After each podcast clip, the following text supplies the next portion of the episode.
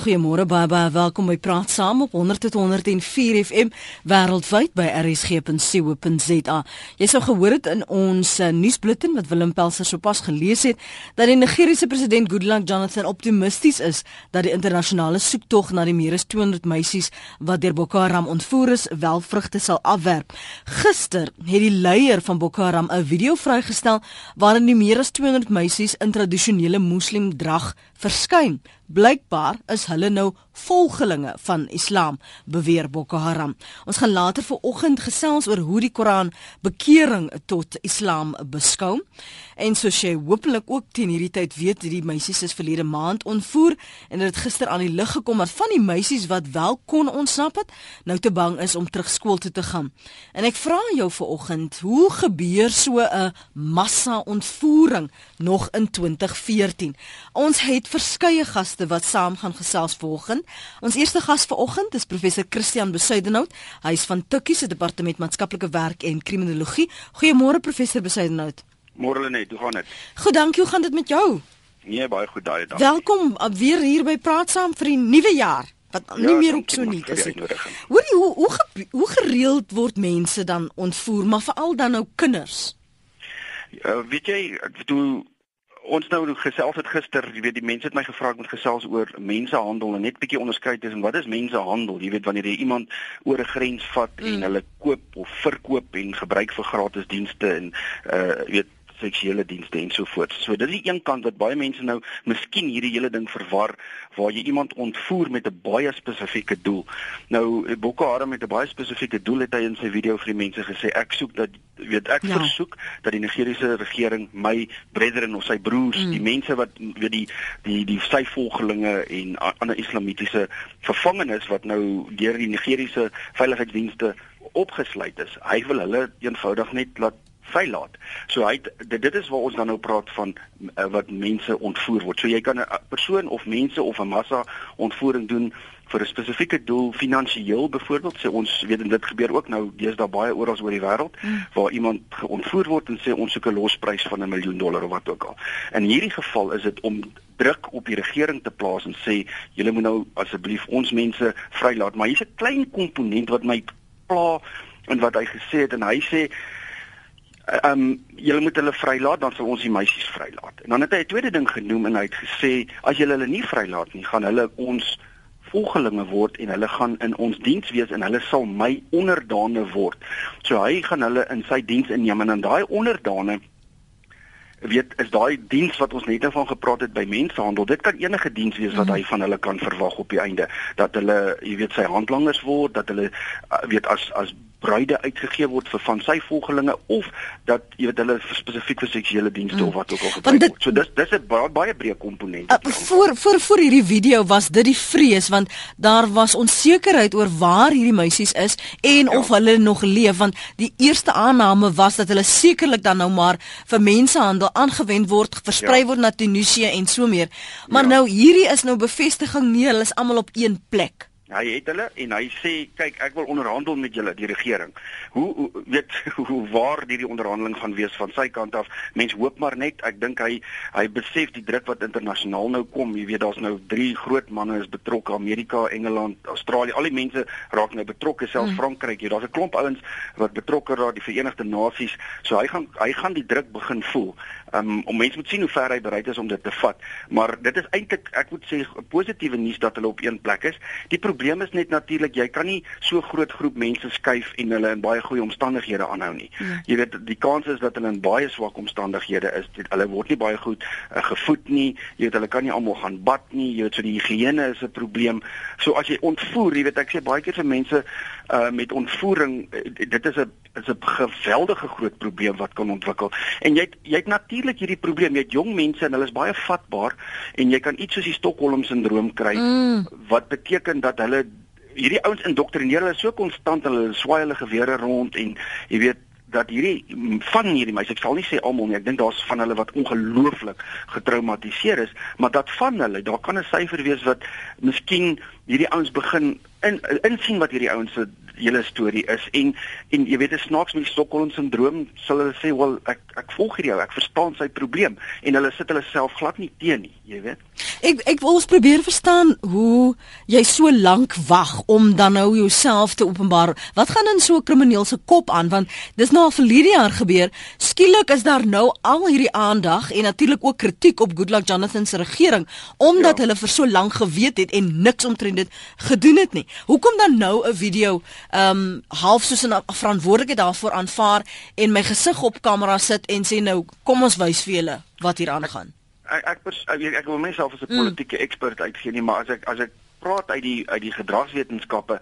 So so ou wil nou eers gekyk het wat gebeur. En ek dink aan die regering se kant wil hulle stil bly om dit stil te hou en gedink hulle sal kan onderhandel met hierdie ou en niemand sal daarvan weet nie en dit het nou nie so gebeur nie. Nou die druk uitgekom.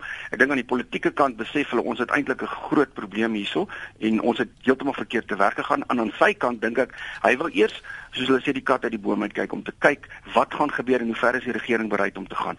Nou dat die internasionale media en internasionale rolspelers by betrokke raak en die soos hulle sê die die diete is nou daar, mm -hmm. sal hy sal hy jy weet hierdie video's gaan uitkom en ek is ek is bang met so ou hy's baie onvoorspelbaar. Ehm um, jy weet en jy weet as jy praat van 'n ekstremiste groep, 'n ekstremiste groep sal baie maklik mense se lewens neem. So ek dink hier's 'n hier's 'n baie sensitiewe ding wat aan die gang is.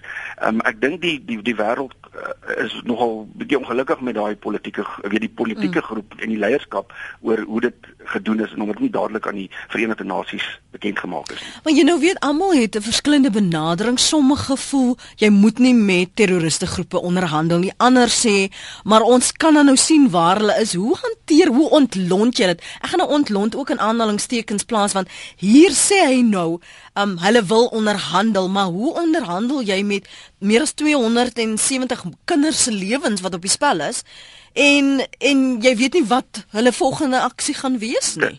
Ja, hulle is onvoorspelbaar en die die die ironie is jy die jou jou jou eerste vraag, kyk die die die groot manne sê ons wil nie 'n president skep nie, want as ons ingee, gaan dit oral oor die hele wêreld gebeur. Jy jy jy ontvoer 'n klomp ouens en jy jy het sekere vereistes, jy weet in voorwaardes en en dan gaan dit heeltyd.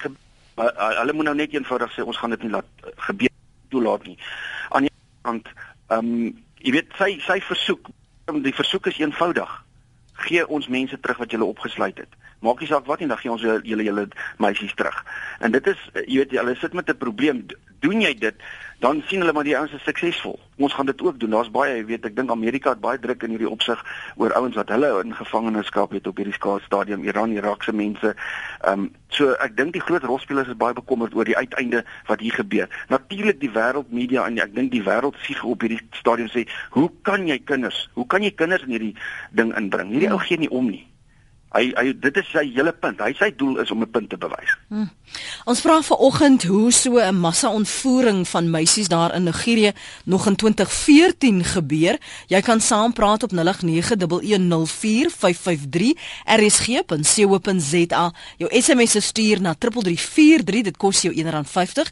Hier's 'n uh, luisteraar wat sê ek dink dis maklik dat dit gebeur dat dit dan so lank gevat om in die media te kom. Mense word gespoon-feed met wat hulle moet weet. Um en dan sê 'n ander luisteraar wat dan om van haar hele vliegtyg wat verdwyn het in hierdie eeu. Die reaksie hierop uh, tot dusver professor Besuidenhout. Sou 'n mens mos nou dink dit is jou kinders, ek meen jy's die president van 'n land, jy hoor hierdie gerugte. Ek sou wil uitreik na ander en sê maar ek het nie die kapasiteit om hier te help nie of om te red nie. Hoekom so lank wag om vir, internasionale hulp te vra? Ek dink weer eens dit kom af op sy jy weet is ek bekwam genoeg in hierdie pos dit dit dit reflekteer heeltemal teen sy leierskap op hierdie stadium dat so iets in sy uh, periode kon gebeur het en ek dink dit is een van die hoofredes hoekom hy stil gebly het. Ehm um, ek ek het ek het ek het 'n ongelooflike probleem. Mense is on, onseker oor hoekom hy so lank gevat het want ek dit is 100% reg wat jy sê. Hy kon onmiddellik vir die Verenigde Nasies uitgereik het. Dis hoekom hierdie ouens daar is en onmiddellik hom gehelp het. Ehm um, so daai is 'n groot vraagteken. Ons moet wag hoe dit gaan uitkom. Hierdie ou gaan miskien in 'n wêreldhof opeindig. Mense sal nooit weet nie. Ja. En dan wil ek vir jou vra voor ons uh, terug gaan ons lyne toe en ander gespreksnote intrek die as hulle nou gevind word en ons hoop en bid dat almal lewendig is wat behoort te gebeur uh, want jy het self net nog gesê sekerlik is hierdie meisies getraumatiseer, maar net nie 'n idee waar deel hulle is nie. Maar hoe gee jy berading vir ouers um, wat hulle kinders sien dalk nou in 'n ander, jy weet, kwesbaar en en vir hierdie kinders? Ja, ek ek kan ek kan eers kinders se kant toe gaan. Ja. Wanneer hy ontvoer word, basies sê ons gaan 'n persoon deur uh vier fases. Die een is die heel eerste een is die onwerklike die ontkenningsfase. En dis waarskynlik waar hierdie meisies hierdie uh, dit gebeur nie. En veral in so 'n massa groep, as jy ontvoer, dis onmoontlik, dit gebeur nie met my nie.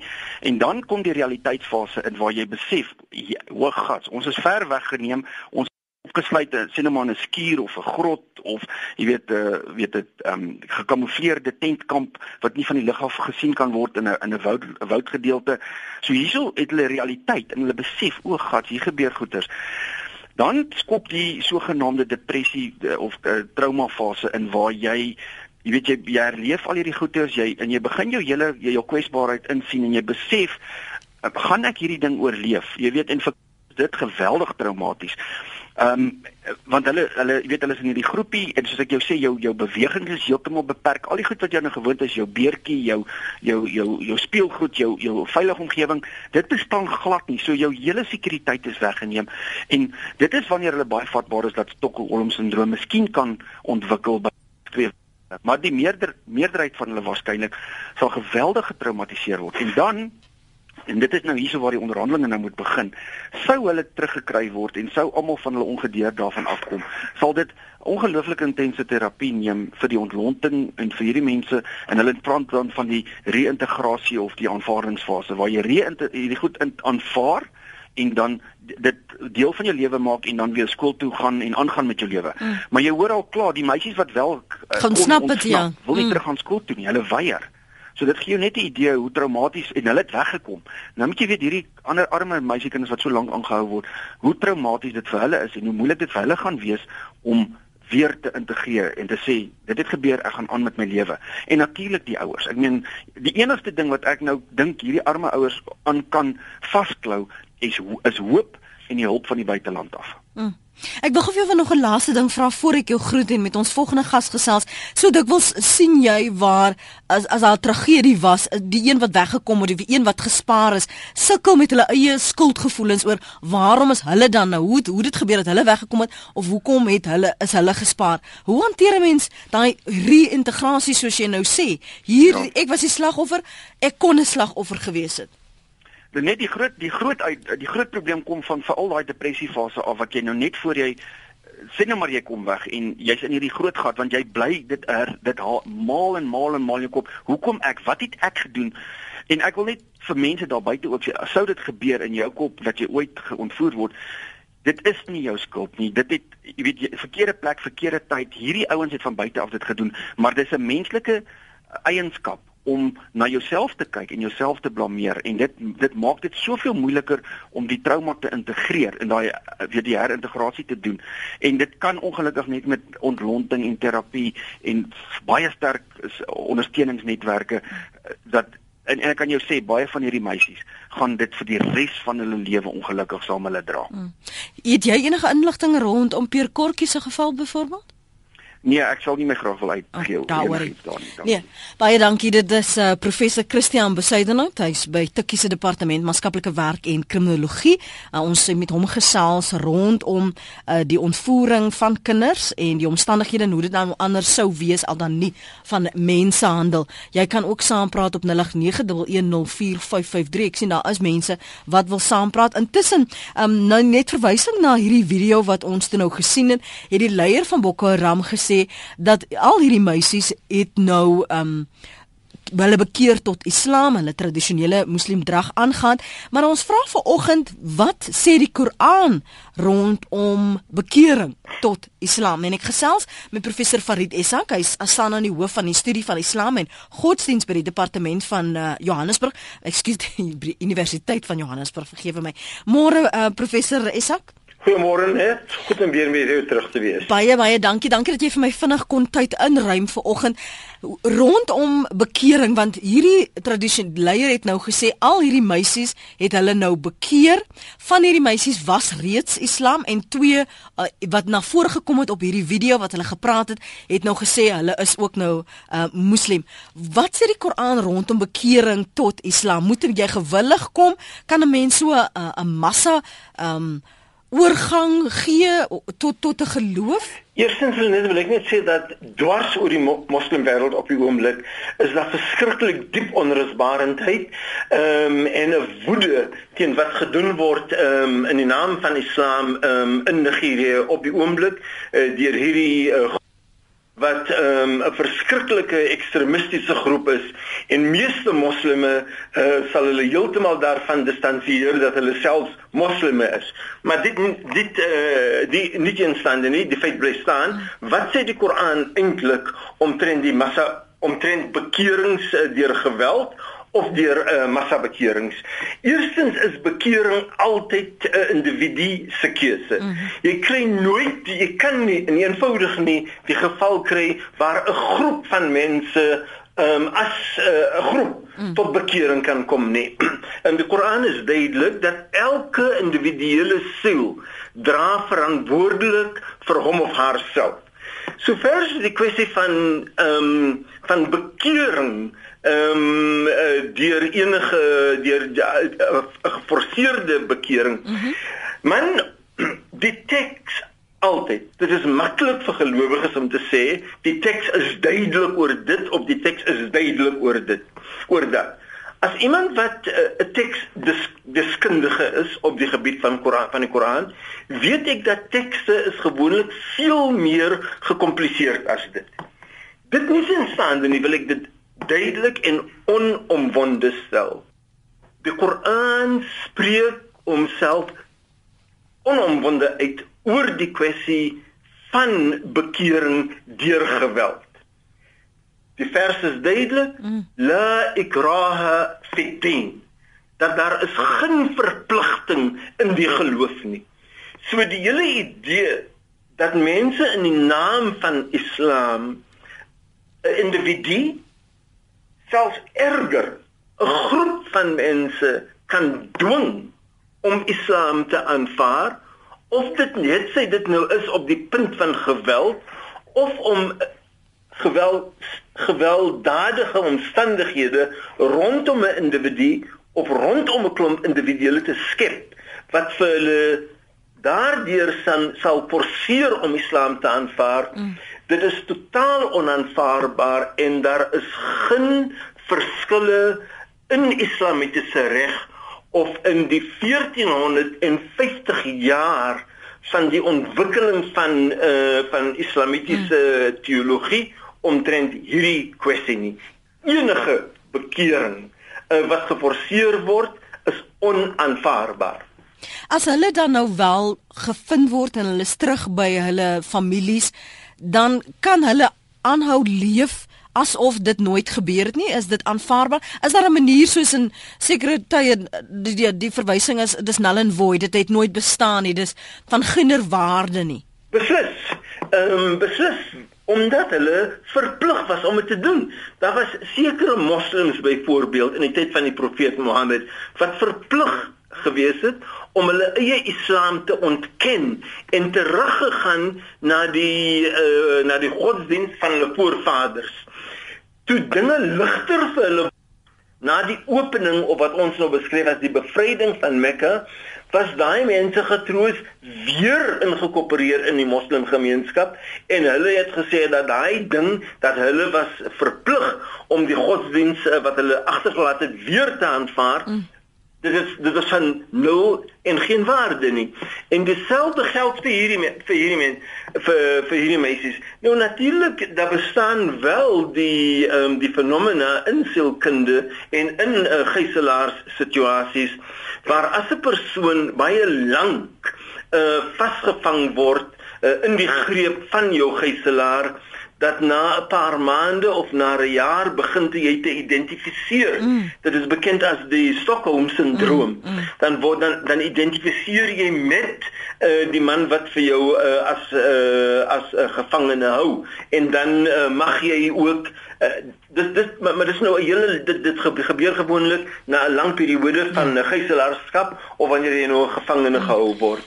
Maar in hierdie geval hopelik indien hierdie meisies vrygelaat gaan word in die volgende paar weke of in die volgende paar maande dan natuurlik sal en moet hulle beskou word as Christene want inderdaad of in die waarheid was hulle nooit moslems gewees mm. nie en islam en die moslim gemeenskap ehm um, sal ook hierdie meisies aanvaar nie ja. want hulle want moslems weet dat dit was onder die ehm um, dit was onder uh, dwang, die uh, die angs van geweld mm. of in uh, hierdie of in spesifieke uh, gewelddadige omstandighede was dit hulle op hulle geforseer. Ek wil net so nou nou vir jou 'n laaste vraagie vra. Ek wil net vir Anet vra in die Kaap Anet, asseblief moenie weggaan nie. Wees geduldig met ons.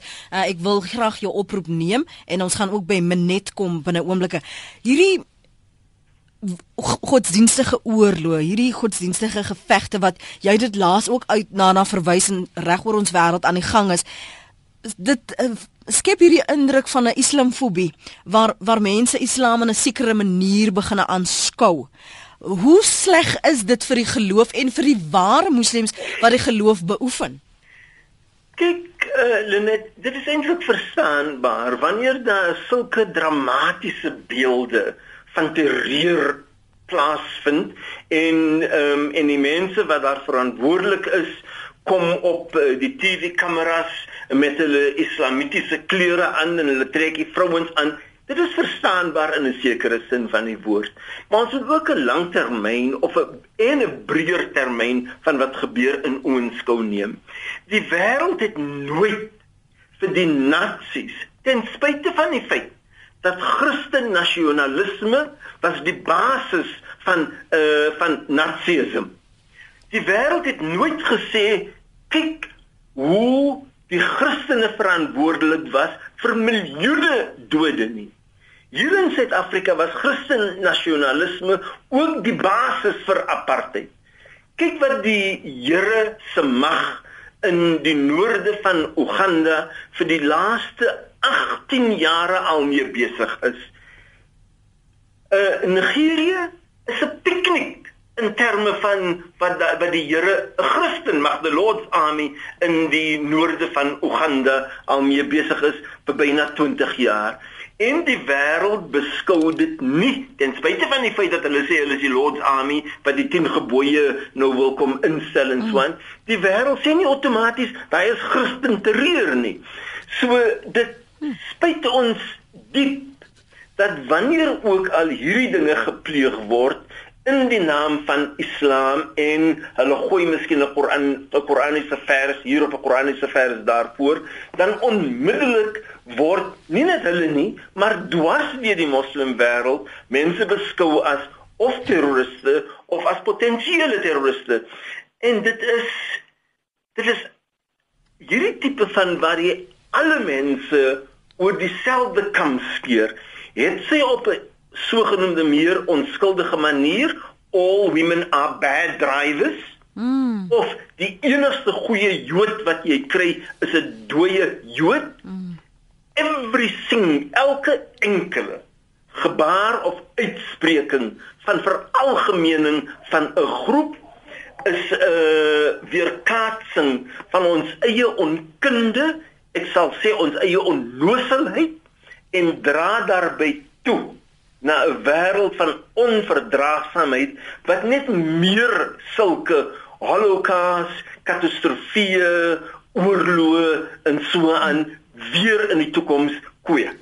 Baie dankie vir jou tyd vanoggend. Dit was professor Farid Essak. Hy staan aan die hoof van die studie van Islam en godsdiens by die Universiteit van Johannesburg. Ons het meer spesifiek met hom gesels oor hoe die Koran bekering tot Islam beskou en wat dit sê en soos hy nou tereggewys het, omdat daar dwang hier is um, en geweld betrokke is, kan dit nie gesien word of aanvaar word binne die geloof as 'n aanvaarbare bekering nie. Dis na aanleiding van 'n video wat die leier van Boko Haram vrygestel het gister waarin hy sê al hierdie meisies 270 en iets um, wat in tradisionele moslim gedrag verskyn het dat hulle nou volgerlinge van Islam is. Jy kan saamgesels op 0891104553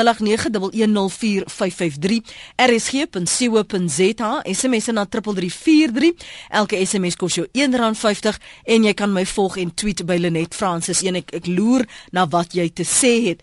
Intussen hou uh, Anet vir ons aan sy's in Kaapstad. Anet baie baie dankie eerstens vir jou geduld om om saam te praat vanoggend. Ek waardeer dit. Goeie reg. Praat gerus. Uh, uh, net ek het toe ek jong as uit iemand my amper probeer ontvoer en ek wil nie nou die die gesprek se onderwerp heeltemal omverwerp nie. Maar ek voel net daar word nie genoeg gedoen om kinders voor te berei vir hierdie tipe van attack uh, nie. Ehm um, die persoon het my emosie uh, hoe sê ek sê kindig amper gemanipuleer om my te oortuig dat hy ken eintlik my ouers en hulle het vir hom gesê hy moet hy moet my net gou kom haal en so aan en ek het na die tyd ongelooflike skuldgevoel gehad oor ek so dom was om na hom te luister.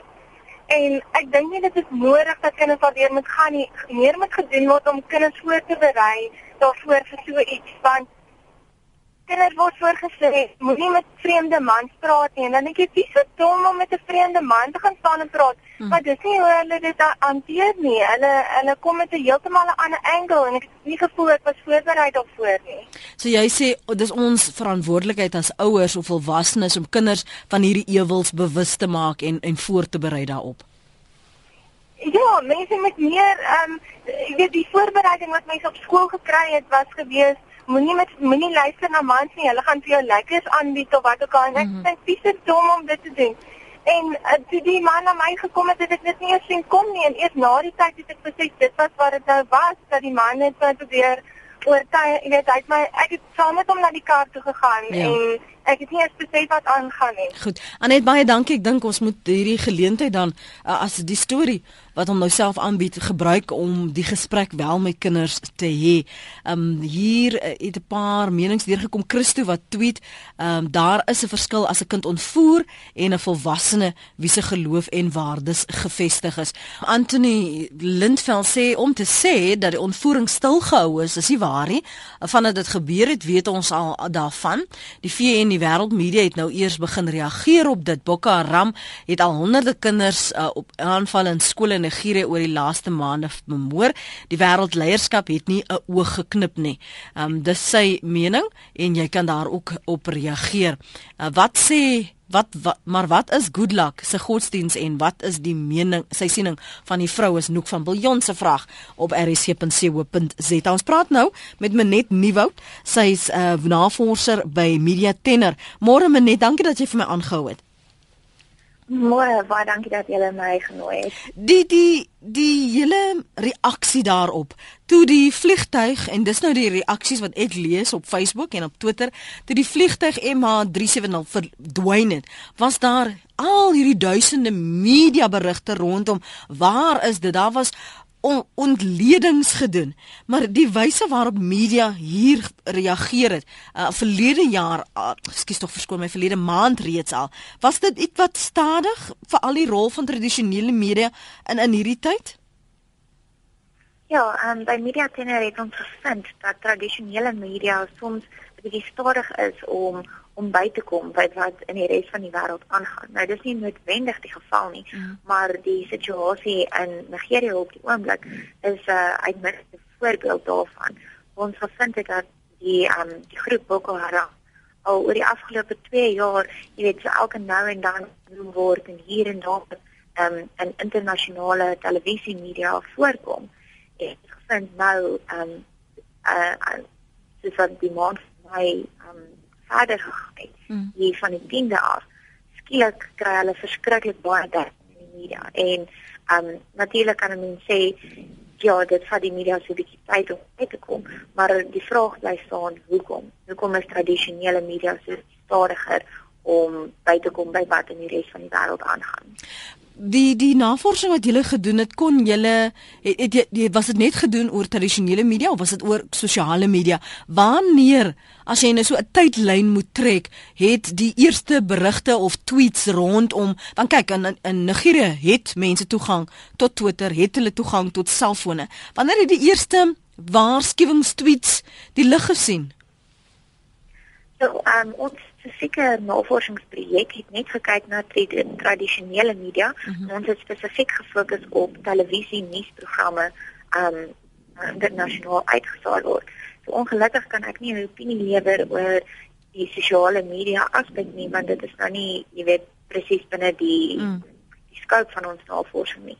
Maar wat ek kan sê is dat tradisionele media of die media gebaseer in die um Verenigde Koninkryk soos die BBC en so aan hulle het hulle het vinnig um aandag gegee aan Boko Haram aan en aan die die meisies wat vervoer is.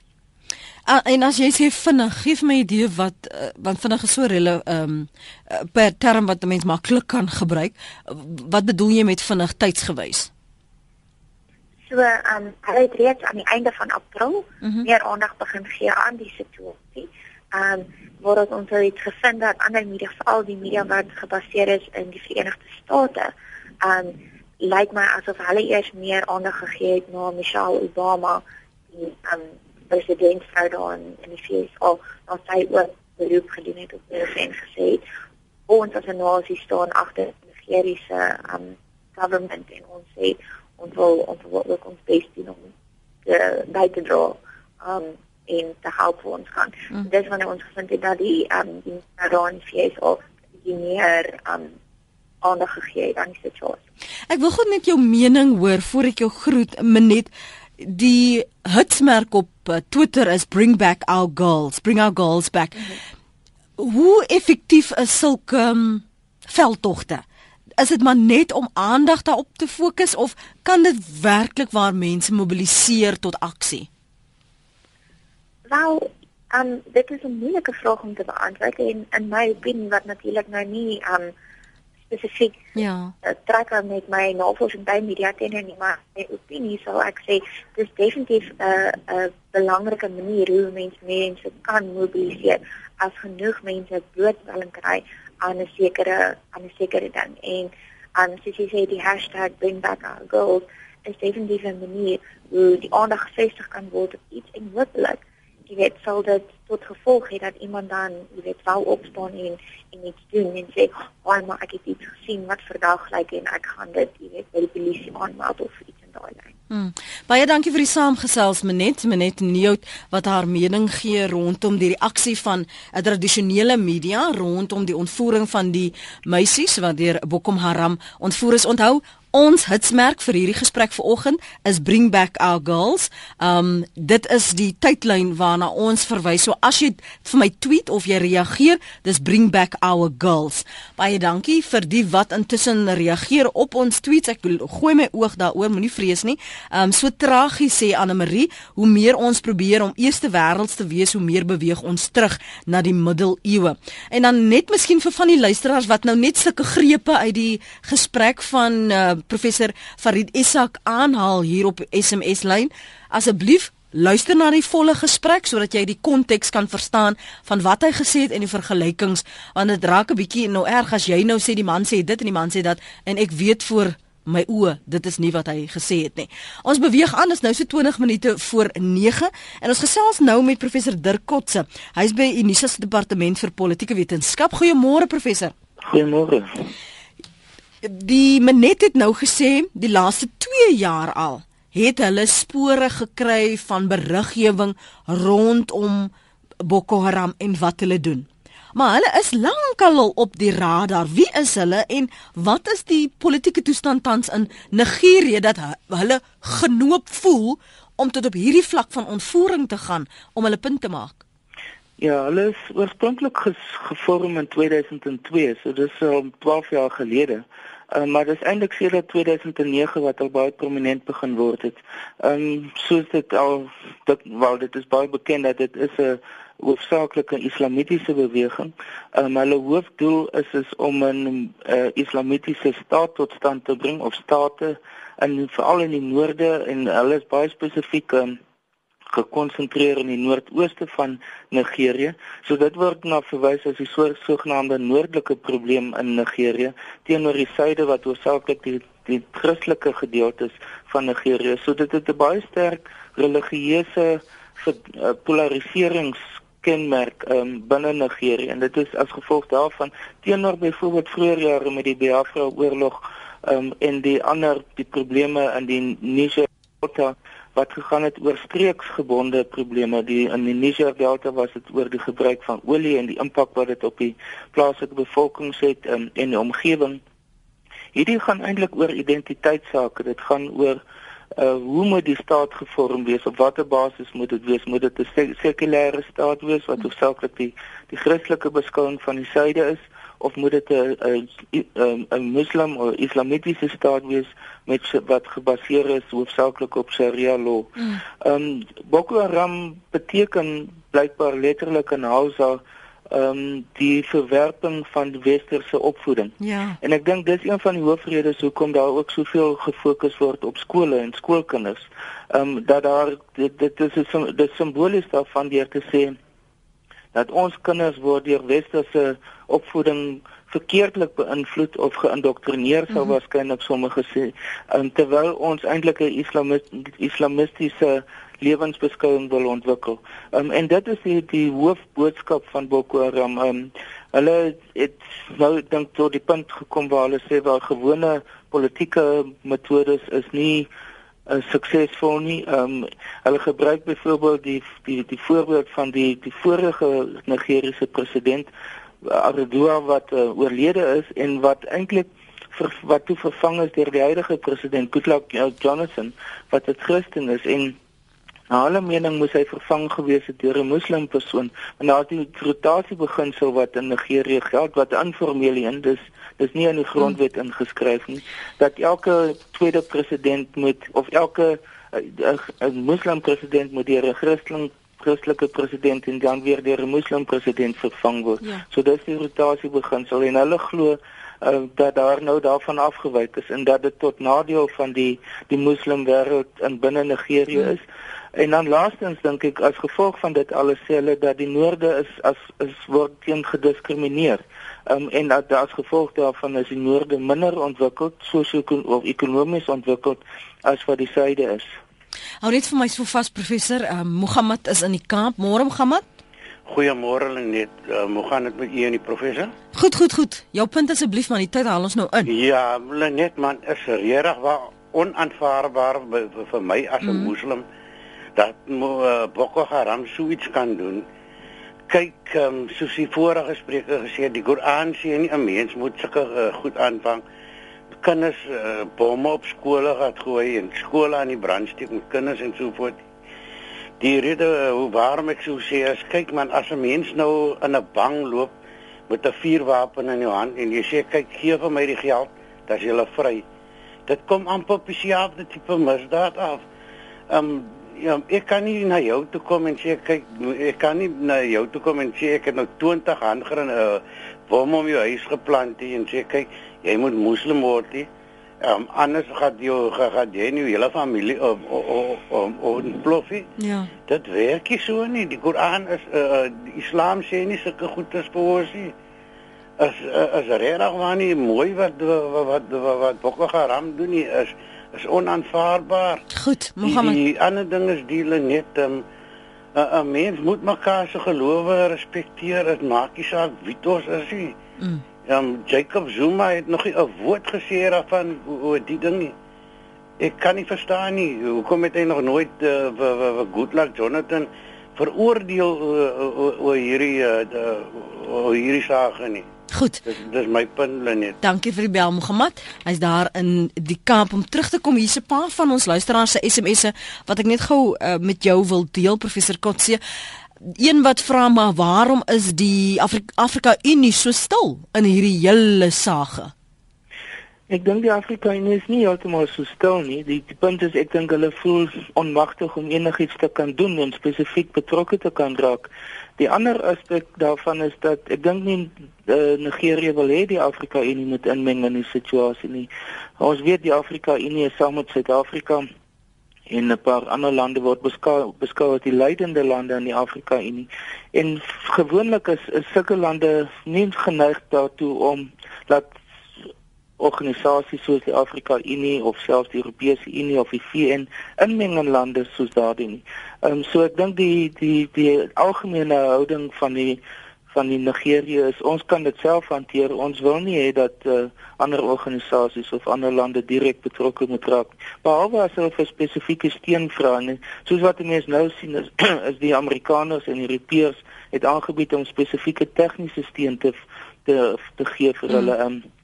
En dit sal hulle gebruik maar nog steeds onder leiding van die Nigeriese weermag en die polisie en ander veiligheidsinstellings wat daarbey betrokke sal wees.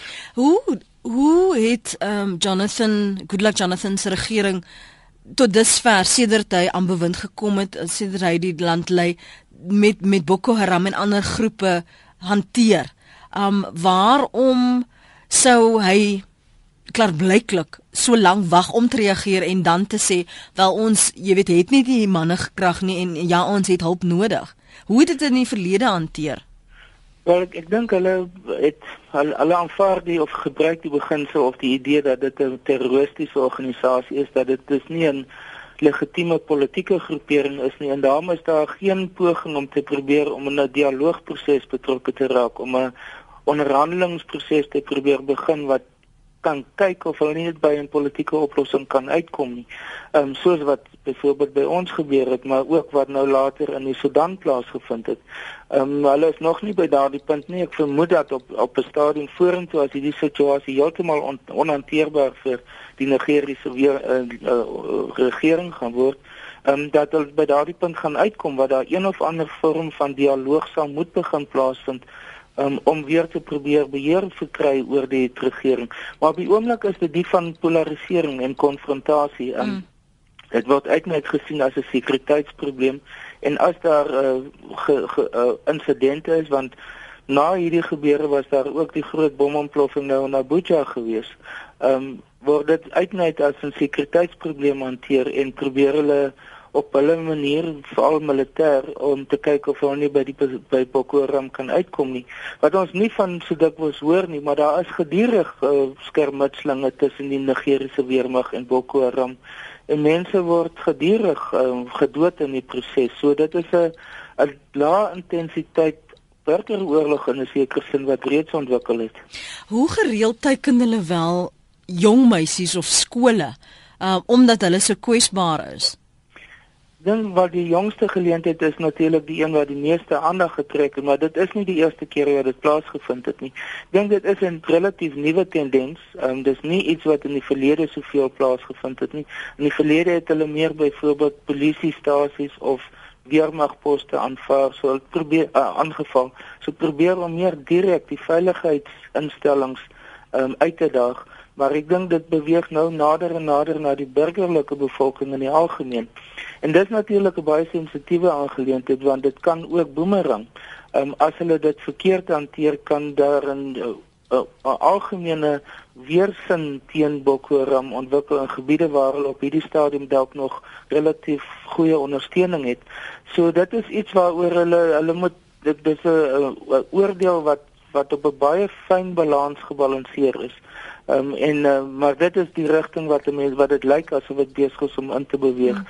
Wat lyk asof dit natuurlik asof hulle ook in 'n sekere sin meer desperaat begin word en meer militant begin word as wat hulle nog selfs van tevore hmm. was. Hmm. Professor, jy reis baie en, en gee klas uh, uh, internasionaal. Hierdie soort oorlogvoering in die naam van geloof. Professor Essak het ook verwys na die Lord's Army byvoorbeeld. Is dit nou die nuwe tendens in die wyse waarop oorlog gevoer word dat dit gaan oor geloof en dan oorspoel na magsgebied en ideologie? Dat dit die dryfveer is? Nie noodwendig nie. Ek meen dit is ons as ons byvoorbeeld kyk nou die die die konflik in die Oekraïne gaan nie oor geloofsaangeleenthede nie. Dit gaan oor meer kultureel die meer pro-russiese versus die Oekraïne. Kulturele taal en en uh, kulturele aspekte.